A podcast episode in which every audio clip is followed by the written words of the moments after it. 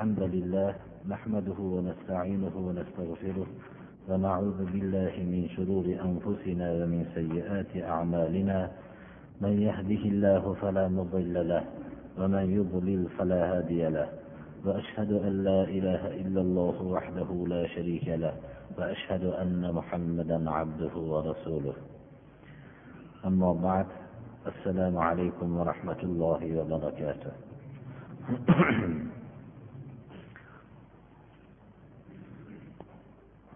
juma kunidagi qur'oni karimdan davom etayotgan darsimiz inshaalloh davom etadi. Surai anomdan birinchi darsni o'rgangan edik.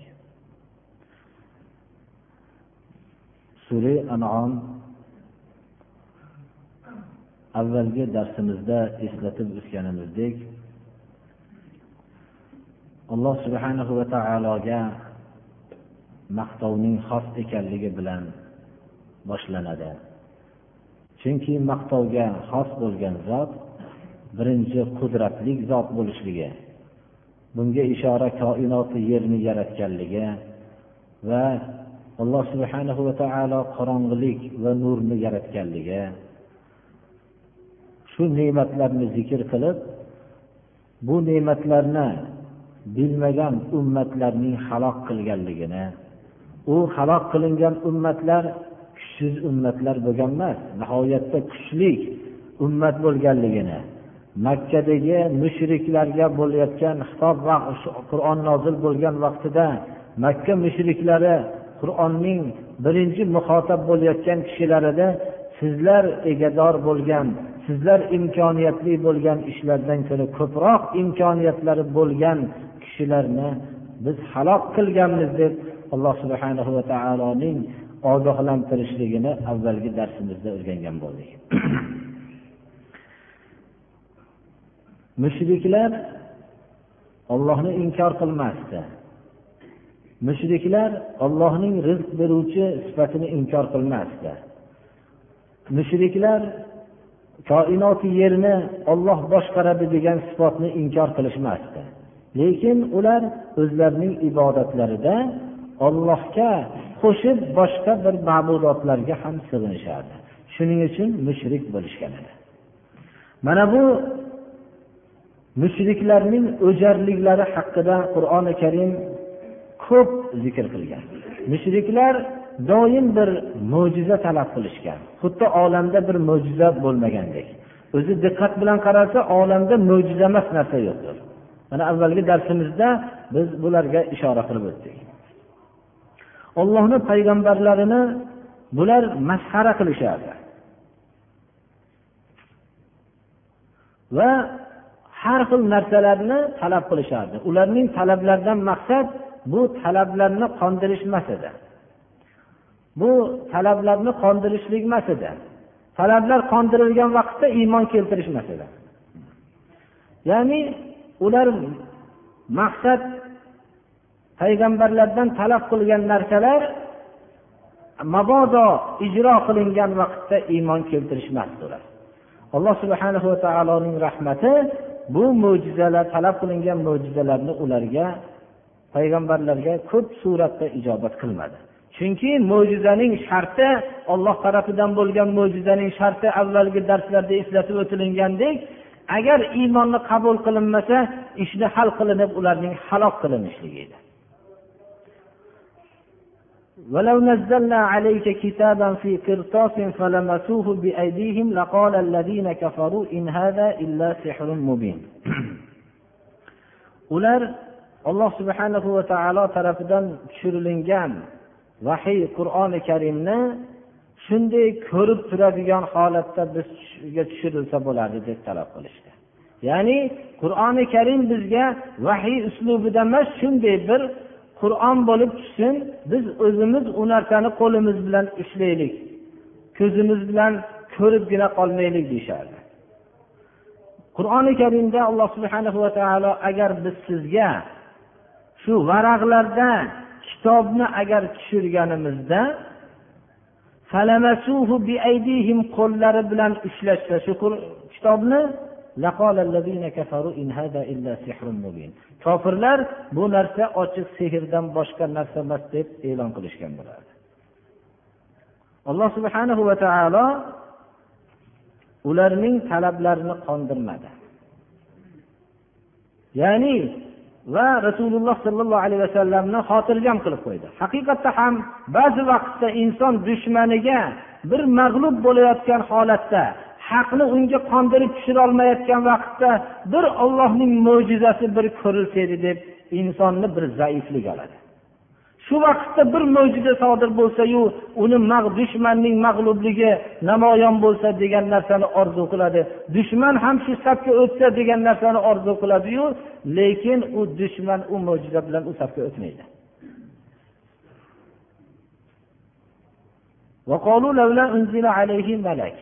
Ular payg'ambarga farishta tushirilsa bo'ladi deyishdi. Farishta yonida yursada bu kishini payg'ambarligini tasdiqlaydigan bo'lsa. Alloh subhanahu va taolo ularga xitoban aytyaptiki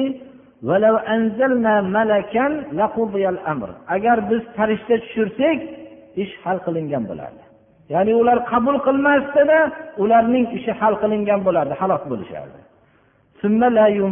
farishta tushirilgandan keyin ularga muhlat berilinmaydi ularning ma'lum bir muhlat berilmaydi iymon keltirishliklari uchun ولو جعلناه ملكا لجعلناه رجلا وللبسنا عليهم ما يلبسون agar farishtani tushirganimizda agar payg'ambarni farishta qilganimizda ham avval inson qilib tushirgan bo'lardik. Va ularga bu haqiqatni bular ishtibo qilishib turibdi u ishtibo qilib turishgan narsasini yana ham ishtibohlik qilib yuborgan bo'lardik. Odamlar o'zlarining jinsidan jo'natilingan payg'ambarni qadriga yetmadi. Agar hozirgi vaqtda ham bir dinga ta'limga ilm o'rganishlikka targ'ib qilinsa biror bir farzandi kamroq yoyinki farzandi yo'q yoyinki davlati o'ziga yetarli bo'lgan odam tarafidan shariatni o'rganinglar desa ha uni farzandi kamda uni tiriklik ishlari oz shuning uchun o'qinglar deydi. Bizga o'xshagan farzandi ko'p bo'lganda bu narsani bilgan bo'lardi qiyinligini deyishgan. Agar mabodo farishtani alloh taolo farishtani payg'ambar qilganda ha u ovqat yemaydi u uyqusiramaydi uning nafsi yo'q u turmush qilmaydi shuning uchun buyuryaptida agar bizga o'xshagan bo'lganda ko'rardi hayotni qiyinligini deyishgan bo'lardi. Alloh subhana va taoloning rahmati bo'ldi. Xuddi o'ziga o'zlariga o'xshagan yemoq tabiati bo'lgan va har xil insonlarning ehtiyojotlariga muhtoj bo'ladigan jinsidan o'zlari bilgan kishidan payg'ambarni jo'natishligi alloh subhana va taoloning ayni marhamati edi agar farishtani jo'natganda ular siz ovqat yemaysiz siz uyqusiramaysiz siz charchamaysiz siz turmush qilmaysiz shuning uchun bu narsani o'zingizga cheklang bizga gapirmang deyishgan bo'lardi. Alloh subhana va taolo mana bu oyatda agar farishtani biz payg'ambar qilganimizda uni inson qilib tushirgan bo'lardikda ular yana bu haqiqatda shubhalari ko'payib ketgan bo'lardi. Nima uchun? Ular o'zlarining ichlarida muhammad amin deb omonat bilan nom chiqargan shuhrat chiqargan o'zlarining atroflarida yashab ulg'aygan shu kishi payg'ambar bo'lganda u kishi sizga qayergadan kelyapti bu narsalar deb tanigan odamining haqida shubha qilishdi. Tanimagan odam agar alloh subhana va taolo farishtani tushirib bu farishtani inson qilib jo'natganda siz qayerdan keldingiz qayerdasiz qayerda tug'ilgansiz deb bular shubhalari ko'payib ketgan bo'lardi. Odamlarning tanimagan odam kelib odamlarni bir yo'lga chaqiradigan bo'lsa siz qaysi mahalladasiz qayerdan keldingiz siz siz yerdan chiqdingizmi osmondan tushdingizmi deyishadi hozir ham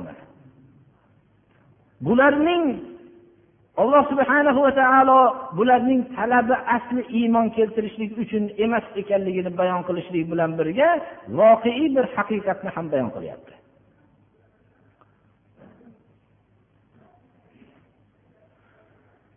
Biz shuning uchun mana bu mushriklarning hamma davrdagi dinni bilmagan kishilarning talablarini biz javob berishlikni xohlamasligimiz kerak.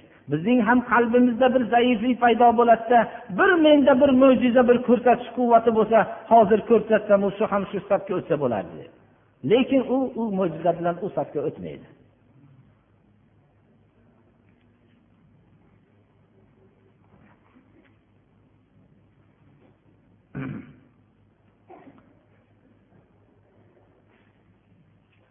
Rasululloh sollallohu alayhi vasallamga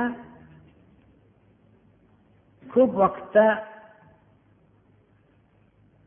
bu kishi xalqlarning hidoyatiga haris bo'lganliklari sababli ba'zi qalbi muboraklarida shu mo'jizani bo'lishlik bir tuyg'usi paydo bo'lsa alloh subhana va taolo ularning o'jarliklarini bayon qilib va ular mutlaqo iymon keltirmasliklarini bilan xabardor qilardi. Biz shu yerda alloh subhana va taoloning farishtalari haqida bir ba'zi sifatlarni aytib o'tmoqligimiz kerak iymonning shartlaridan bittasi آمنت بالله وملائكته وكتبه ورسله واليوم الآخر والقدر خيره وشره من الله تعالى والبعث بعد الموت iymoni mufassal iymonning shartlaridan bittasi alloh subhanahu va taologa iymon keltirishlik bo'lsa maloikalarga ko'zimizga ko'rinmagan bu olamga ollohning bandalariga bu farishtalar deb atalgan olamga iymon keltirishlik iymonning shartlaridandir. G'aybga iymon keltirishlik inson bilan hayvonni ajratadigan sifatdir. Hayvon o'zining ko'ziga ko'ringan narsagagina ishonadi. Inson bo'lsa uning qalbiga olloh tarafidan ruh kirgizilganligi bu karomati bilan inson ko'ziga ko'ringan olamdan boshqa bir olamni his qilib turadi. Lekin bu olam haqidagi bo'lgan ma'lumotni faqat alloh subhanahu va taolo va rasulining xabari bilangina bilmoqligi kerak. Bu xabarni g'ayb olamida haqida bo'lgan xabar ollohning xabarinigina qabul qilinadi. Boshqa taraflardan aytilingan narsani qabul qilinmaydi. G'aybga iymon keltirishlik insonning bir g'arizasi deb atasak xato bo'lmaydi.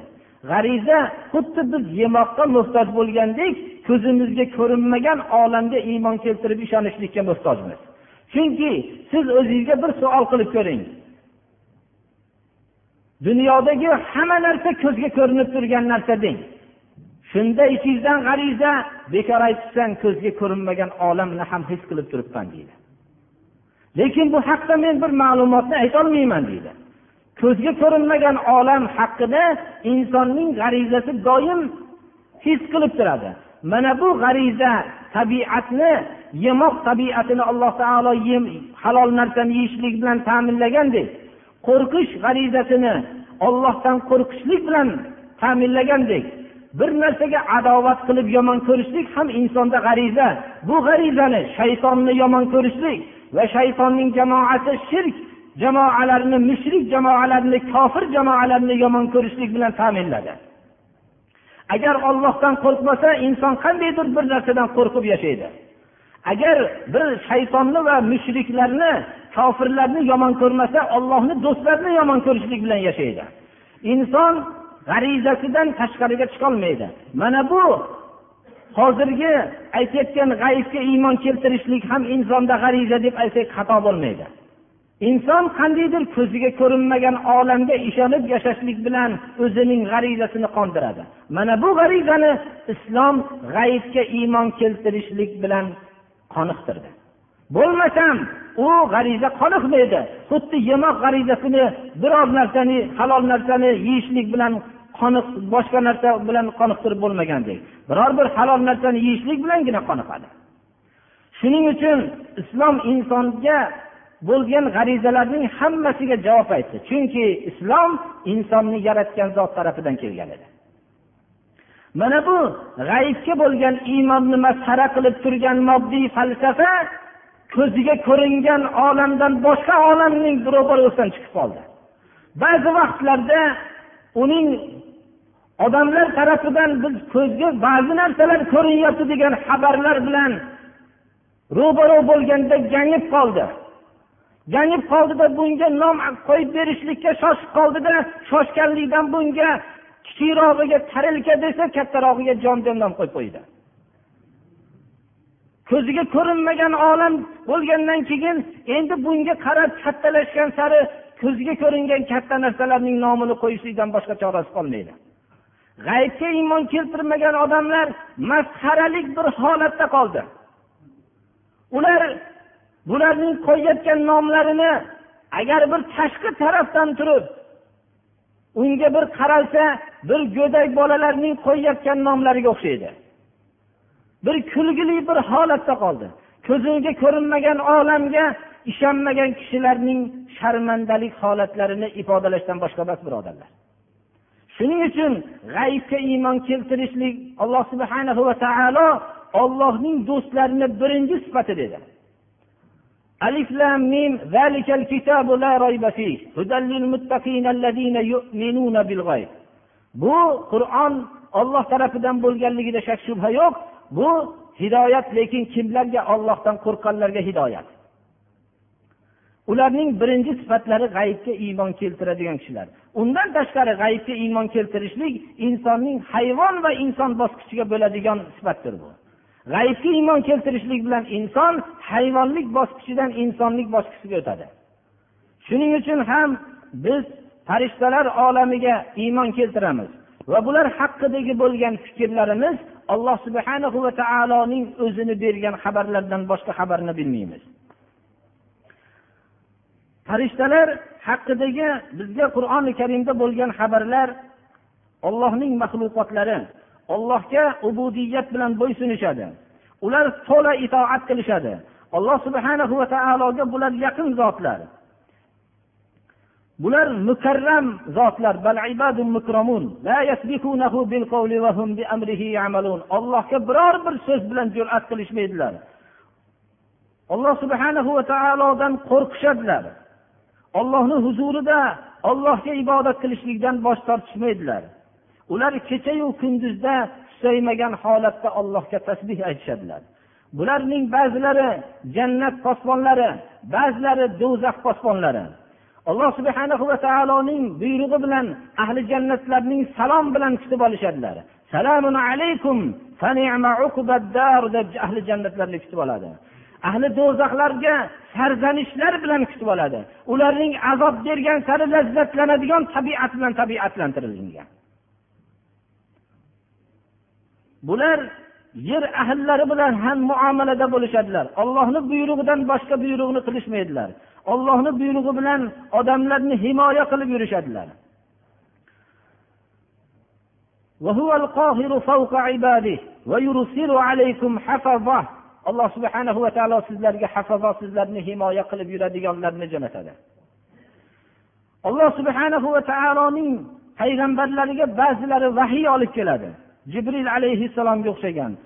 Xullas bandalar xizmatlariga hammalari o'zlari kafil bo'lgan olloh tarafidan tayinlangan zotlardir. Bizlarning ko'zimizga ko'rinmagan zotlardir. Alloh subhana va taoloning qudrati bilan ba'zi zotlarga ko'rinadi. Rasululloh sollallohu alayhi vasallam jibril alayhissalomning asl suratlari bilan ko'rganligi mana qur'onda bu farishtalarga iymon keltirmaslikdan uyalishlik kerak. Agar sizga bir do'stingiz bo'lsa siz uni hayotingizda ko'rmagan bo'lsangiz doim sizni himoya qilishlikka o'zining imkoniyatlarini uzoqdan turib sizni himoya qilib yurgan bo'lsa. Sizga ko'p yordamlar qo'lini cho'zib birovlardan yordam yordam berib yuborgan bo'lsa uni siz yoningizda doim yordam berib yurgan do'stdan ko'ra muhabbatingiz unga balandroq bo'ladi. Va shuni doim shuni haqida hurmatini saqlab yurasiz. Farishtalar ollohni buyrug'i bilan tamomiy insonlarni xizmatida ularni himoya qilib yuradi. Biz iymon keltirishlikka ma'murmiz. Ko'zimizga ko'rinmagan olam bu ko'p olamlardan tashkil qiladi farishtalar olami bittasidir shunda. Qur'oni karimda farishtalar haqidagi oyatlarni hammasi bayon qilingan shulardan boshqa fikrga o'tmasligimiz kerak. Chunki g'ayb haqidagi bo'lgan ma'lumot alloh subhana va taoloning o'zidangina qabul qilinadi.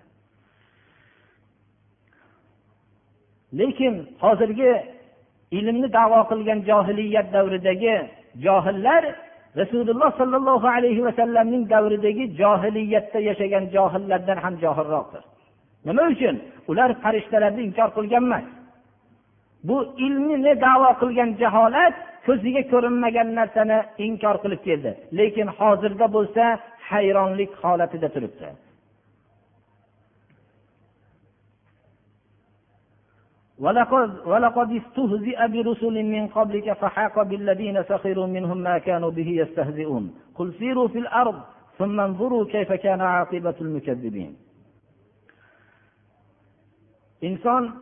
biror bir harakatda davom etayotganda yo biror ishda davom etib turgan vaqtda u boshqalar tarafidan tuhmatga masxaraga yo qarshilikka duchor bo'lgan vaqtda xuddi o'ziga o'xshagan kishilarning tarixda shunday qarshilikka tuhmatga masxaraga duchor bo'lganligini bilishlikdan ko'ra unga katta tasalli yo'q.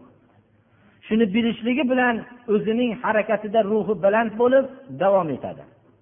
Rasululloh sollallohu alayhi vasallam da'vatni olib borayotganlarida makka mushriklaridan tarafidan masxaralarga duchor bo'lganlarida alloh subhanahu va taolo mana bu oyatga o'xshagan oyatlar bilan tasalli beradi. Sizdan ilgarigi rusul ollohning payg'ambarlari ham masxara qilingan. Siz masxara qilinayotgan bo'lsangiz sizdan ilgarigi payg'ambar birodar do'stlaringiz ham masxara qilingan.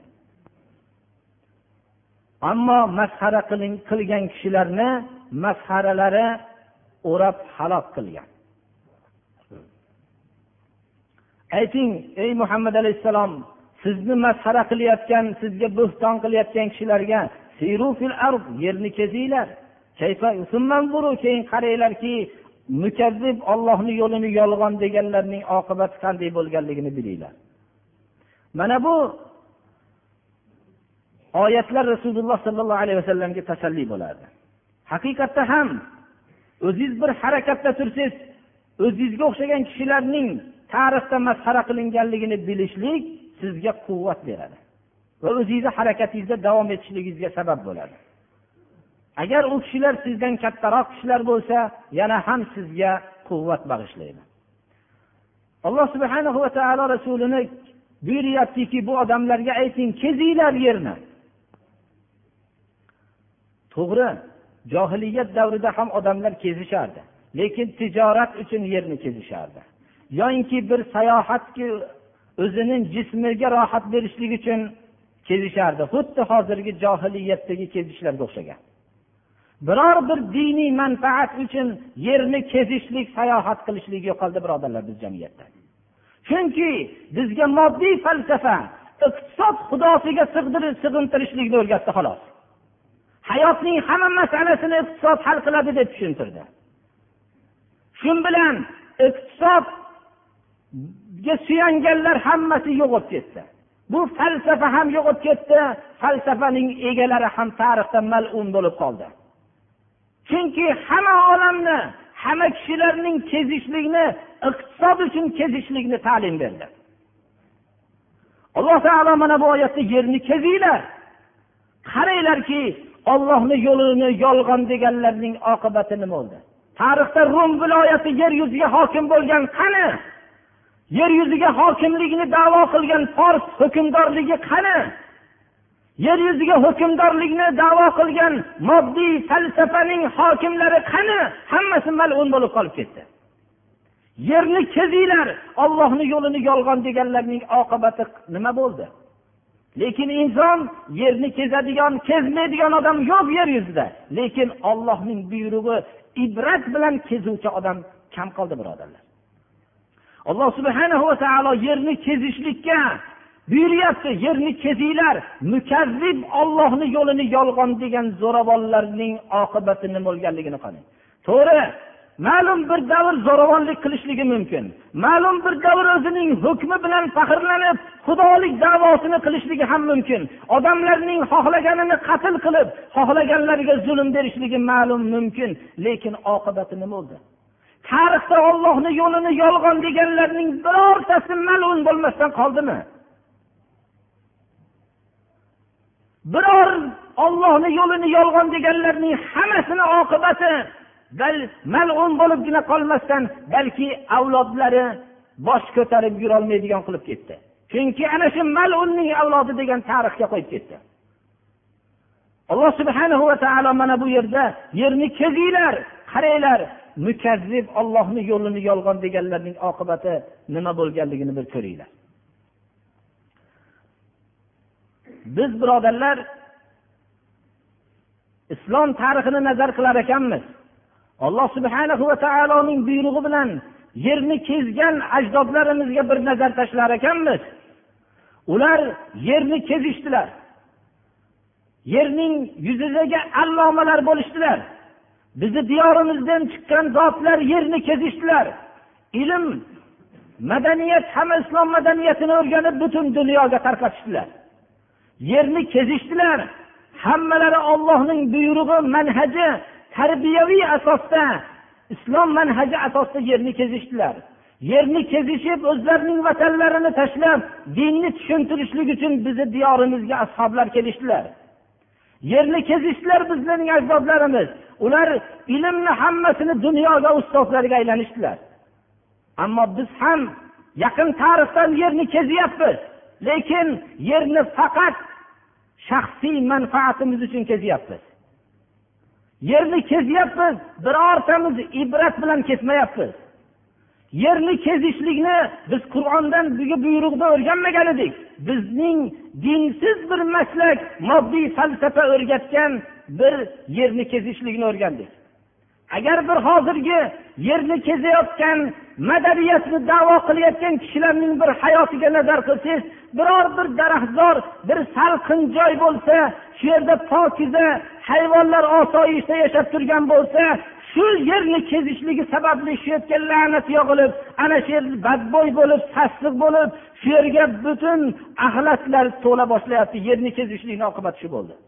Hatto hayvonlar ham endi biz bu yerda turishligimiz mumkin emas ichkariroqqa ketaylik deb mana bu ikki oyoqli hayvonlarga topshiraylik deb ketyapti. Yerni kezishlik mana shunday islom manhaji asosida bo'lmagan yerni kezishlik foyda bermaydi.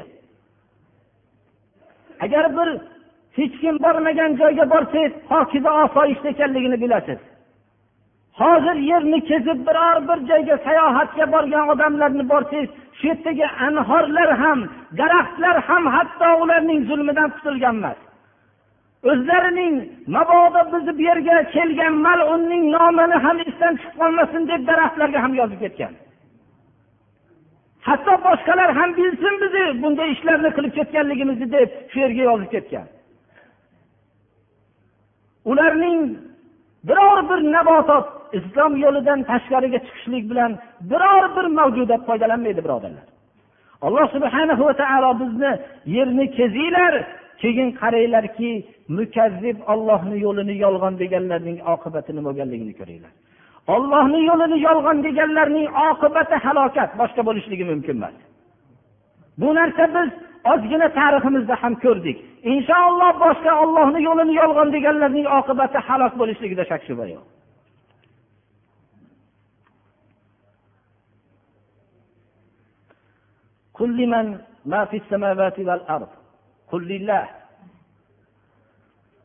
Alloh subhanahu va taolo payg'ambarimiz sollallohu alayhi vasallamga xitob qilib koinoti yerdagi narsalar kimniki deng. Mushriklar o'zlari shu toshlarga daraxtlarga anhorlarga va tog'larga oftobga oyga sig'inishayotgan bo'lsa ham mozorlariga sig'inayotgan bo'lsa ham u mozorlar u daraxtlar u tog'lar u oftobu oylar yer koinotni yerni yaratgan deb bilishmasdi. Alloh subhana va taolo rasululloh sollallohu alayhi vasallamga shu makka mushriklariga shu mushriklarga aytingki koinoti yerdagi narsalar kimniki deng? Qul lillah.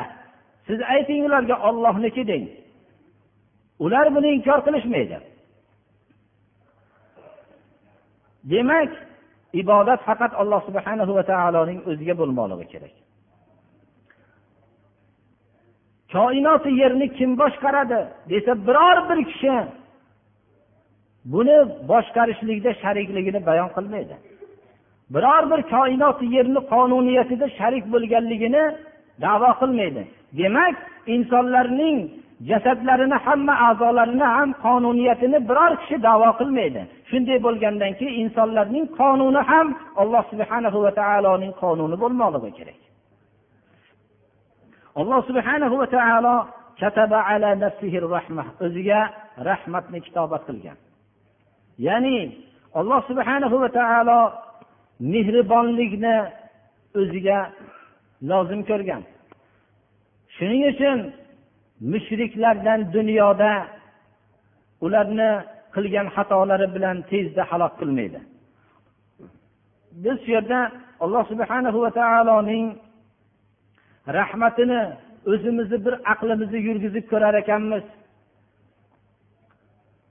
Tug'ilishligimizdan ilgarigi rahmatlarni avvalgi darslarimizda aytib o'tdik. Inson vujudga kelishligi bilan uning ozuqasini alloh subhana va taolo qornida tayyorlashligi u qorindagi holatlarni haqida ko'p gapirib o'tganmiz. Tug'ilishligi bilan ona otani mehribon qilib qo'yishligi va alloh subhana va taolo unga shu vaqtdan o'ziga munosib rizqni berishligi hayotidagi hamma harakatlarda ollohning ne'mati burkalib turishligi insonni va butun hayotidagi hamma rizqlarni alloh subhana va taolo unga rizq qilib berishligi bu narsalarni gapirib tamomlab bo'lmaydi birodarlar.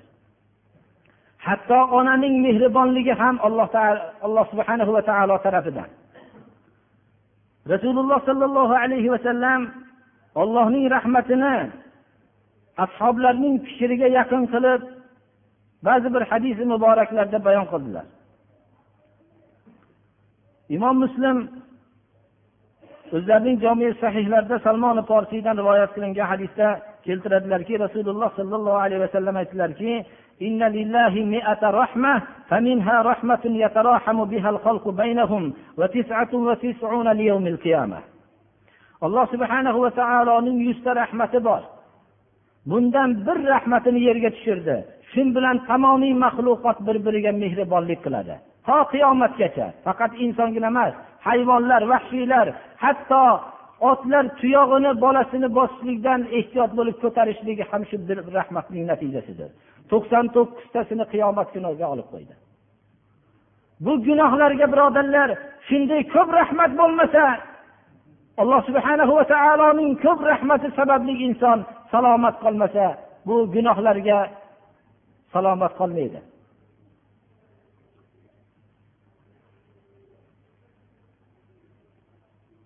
Rasululloh sollallohu alayhi vasallam boshqa bir hadislarda ko'p keltirganlar umar ibn hattob roziyallohu anhudan rivoyat qilingan hadisda rasululloh sollallohu alayhi vasallamni oldiga bir asiralar olib kelindi asirlar. Shunda asirlarni ichida bir ayol chopib o'zini ko'kragini bir asirlar ichida go'dak bolaga tutib emizdi. Shu olib bag'riga bosdi. Rasululloh sollallohu alayhi vasallam buni ko'rib shu ayol shu bolani o'tga tashlaydi deb bilasizlarmi dedilar. Yo'q yo rasululloh bu hech qanday o'tga tashlamaslikka modomiki qodir bo'lib turar ekan tashlamaydi dedilar. Aytdilarki alloh subhana va taolo bandalariga shu ayolning farzandga qilayotgan mehribonligidan ham mehribonroq dedi mehribonligidandir shu ayolning ham bolaga mehribonlik qilayotganligi ollohning shu yer yuzidagi bitta rahmatining natijasidadir rasululloh sollallohu alayhi vasallam rahmdillikni o'rgatardilar. Yerdagi kishilarga rahm qilinglar osmondagi zot sizlarga rahm qiladi dedilar. Odamlarga rahmdil bo'lmagan kishilarga olloh rahm qilmaydi dedilar. Badbaxt odamdangina rahmdillik sifati tortib olinadi dedilar. Kimda rahmdillik sifati bo'lmasa qo'rqsinki badbaxtlar safidanmikinman dedi rasululloh sollallohu alayhi vasallam huzurlarida hasan ibn ali nabiralarini o'pdilar. Shunda aqro ibn hobis degan sahobalardan bir kishi bor edilar. Aqro aytdilarki meni o'nta farzandim bor birortasini hayotimda o'sgan emasman dedilar. Payg'ambarimiz sollallohu alayhi vasallam qaradilar. Qaradilarda keyin aytdilarki kim rahmdil bo'lmasa unga ham rahm qilinmaydi dedilar. Umar ibn hattob roziyallohu anhuning xilofat davrlarida bir viloyatning hokimlaridan bittasi keldi. Viloyatning hokimlaridan bittasi kelib umar ibn hattob yer yuzining xalifasi shu kishini oldiga kelganlarida u kishini chaqirmoqchi bo'lib eshikni tirqishidan bu kishi go'daklarni o'ynatayotganliklarini bildilar. Umar ibn hattobning siyosati shunday salobatidan hayron qoldilarki go'dak bolalarni o'ynatayotganliklarini chiqqanlaridan keyin yo umar siz uydamisiz shunday holatdamisiz dedilar. Shunda aytdilarki sen qanday holatdasan? dedilar. Nima holatni ko'rib aytyapsan? dedilar. Siz bu go'dak bolalarni o'ynatib bular bilan barobar bo'layotganligingizni ko'rib hayron qoldim dedilar. Shunda sen qanday holatda bo'lasan uyda? deganlarda men uyga kirganimda hamma yoq titragan shunday bir bolalar hammasi qo'rqqan holatda bo'ladi dedilar. Men shu viloyatga zulm qilibman deb shu vaqtda bo'shatdilar uni. O'zining oilasidagi kishilarga rahm qilolmagan odam ollohni boshqa bandalarga rahm qilolmaydi dedi hozirgi davrda birodarlar mabodo bir joyga voliy tayin qilinsa qanday zulmni o'rgatib turib voliy qilinadi? Bizning tariximizdagi xalifalar agar bir voliy o'zining oilasidagi bolalarga mehribon bo'lmagan soatda shunday bo'shatgan. Shunday voliylardan mahrum bo'ldik. Agar bu narsa faqat o'zimizning gunohimiz sababli birodarlar. Alloh subhanahu va taolo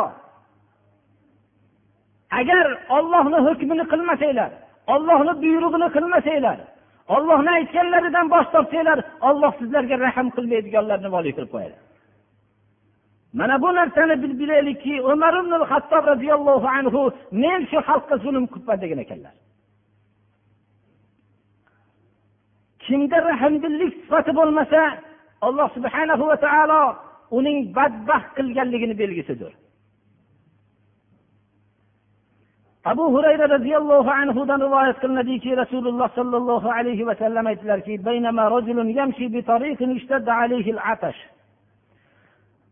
فوجد بئرا فنزل فيها فشرب ثم خرج وإذا كلب يلهث يأكل الثرى من العتش فقال الرجل لقد بلغ هذا الكلب من العطش مثل الذي كان بلغ مني فنزل البئر فملأ خفه ماء ثم أمسكه بفيه حتى رقي فسقى الكلب. فشكر الله تعالى له فشكر الله تعالى له فغفر له. قالوا يا رسول الله وإن لنا في البهائم لأجرا. قال في كل كبد رطبة أجر. imom molik va imom buxoriy imom muslimlar chiqargan hadis sharif boshqa hadislarda بغيا رأت كلبا في يوم حار يطيف ببئر قد أولع أي أخرج لسانه من العطش فنزعت له موقها أي خفها فغفر لها به rasululloh sollallohu alayhi vasallam aytdilarki bir kishi yo'lda ketayotgan vaqtda chanqoqlik juda qattiq bo'ldi unga bir quduqni topdida quduqqa tushib suv ichdi keyin chiqdi to'satdan suvni ichib chiqqandan keyin bir itni ko'rdiki tilini osiltirib hakkillab turpoqqa tilini ishlayotganligini chanqoqlikdan u kishi aytdiki bu it ham shunday chanqabdiki men chanqagandaqa chanqabdi bu dedi. Dedilarda quduqqa tushib oyoq kiyimlarini suvga to'ldirib keyin buni itni og'ziga tutib it ham og'zini ko'tarib shu suvni ichdi. Suvni suv bilan itni sug'ordi. Alloh subhana va taolo buni qilgan amalini qabul qilib gunohlarini kechirdi. Itni ya'ni biror bir idishga og'zini tegib qolsa yetti marta yuvsa pokiza bo'ladigan itni sug'organligi uchun alloh taolo gunohini kechirdi. Ashoblar johiliyat davrida yashaganlik sababli ular tushunish so'rashdilarki yo rasululloh hayvonlarni ham bizda hayvonlar bilan ham ajrlanamizmi deganlarda ya'ni joni bor narsa bilan sizlar agar shunga yaxshilik qilsanglar ajrlanasizlar dedilar. Boshqa hadislarda bir zoniya ayol zinokor ayol bir itni ko'rdida issiq kunda qudumi atrofida aylanib yurganligini tilini chanqoqlikdan osiltirib turgan holatda ko'rdi. Va o'zining oyoq kiyimini yechib shu itni sug'ordi. Alloh subhanahu va taolo shunday fohisha ayolni kechirdi. Rahmdillik alloh subhanahu va taoloning bu ulug' sifatlaridan. Rasululloh sollallohu alayhi vasallam ashoblarni shunday tarbiyaladilar.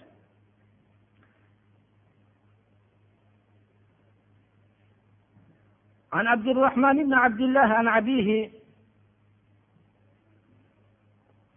عبد الرحمن roziyallohu anhu dadalaridan rivoyat qiladilarki rasululloh sollallohu alayhi vasallam bilan birga safarda edik bir qushni ko'rdikki ikkita jo'jasi bo'lgan ikkita qushni ko'rdikda ikkovi bolachasini olib oldik qush qanotini pastlatib yerga yaqinlashib yolbora boshladi Rasululloh sollallohu alayhi vasallam buni ko'rdilarda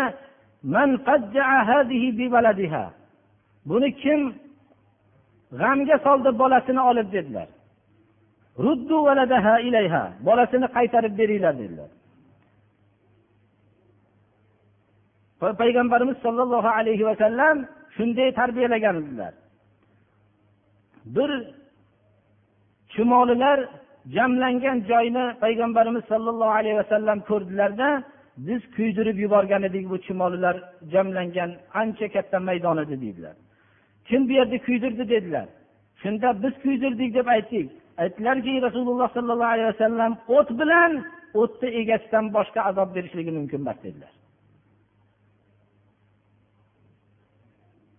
Abu hurayra roziyallohu anhudan rivoyat qilingan hadis sharifda rasululloh sollallohu alayhi vasallam aytdilarki payg'ambarlardan bir payg'ambarni bir chumoli tishladi.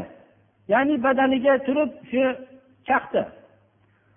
Shunda bu alamni bilib chumolilar to'plangan joyga buyruq qildilarda shu sababli bu yerni yondirib tashlandi.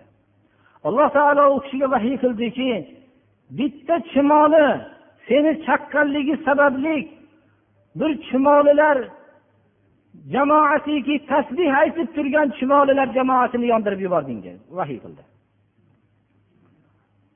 Hozirgi vaqtda ham ko'p hasharotlarni qarshi bir harakatlar hamma joyda bor birodarlar.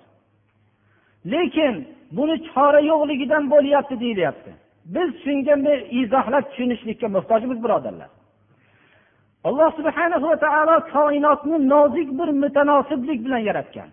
Agar bu koinotdagi mutanosiblikka bir kishi tajovuz qo'lini cho'zar ekan alloh subhana va taolo u ummatdan o'ch oladi. Hozirgi vaqtdagi hayotdagi muvozanatlikni yo'qotishlikka sabab bo'lgan dorilar sababli bu muvozanat yo'qolganda keyin siz bilan biz aytgan narsalar vujudga kelyapti. Bu vujudga kelgan mushkulotlar muammolar vujudga kelyapti. Alloh subhana va taolo har bir narsani muvozanat bilan yaratgan. Har bir narsani yaratgan bo'lsa uning kushandasini ham yaratib qo'ygan. U narsa bilan hayot muvozanatlanib turadi. Mana bu muvozanatga tajovuz qo'li cho'zilganligi sababli alloh subhana va taolo hozirgi ummatdan o'ch olyapti. Hozirgi vaqtda qancha dorilar ko'paygan sari shuncha u ekinlarning boshqa narsalarning kushandasi ko'payib boryapti. U dorilar bo'lmagan vaqtda u hosillarni ko'p berganligini ajdodlardan ko'pchilik eshitgan birodarlar.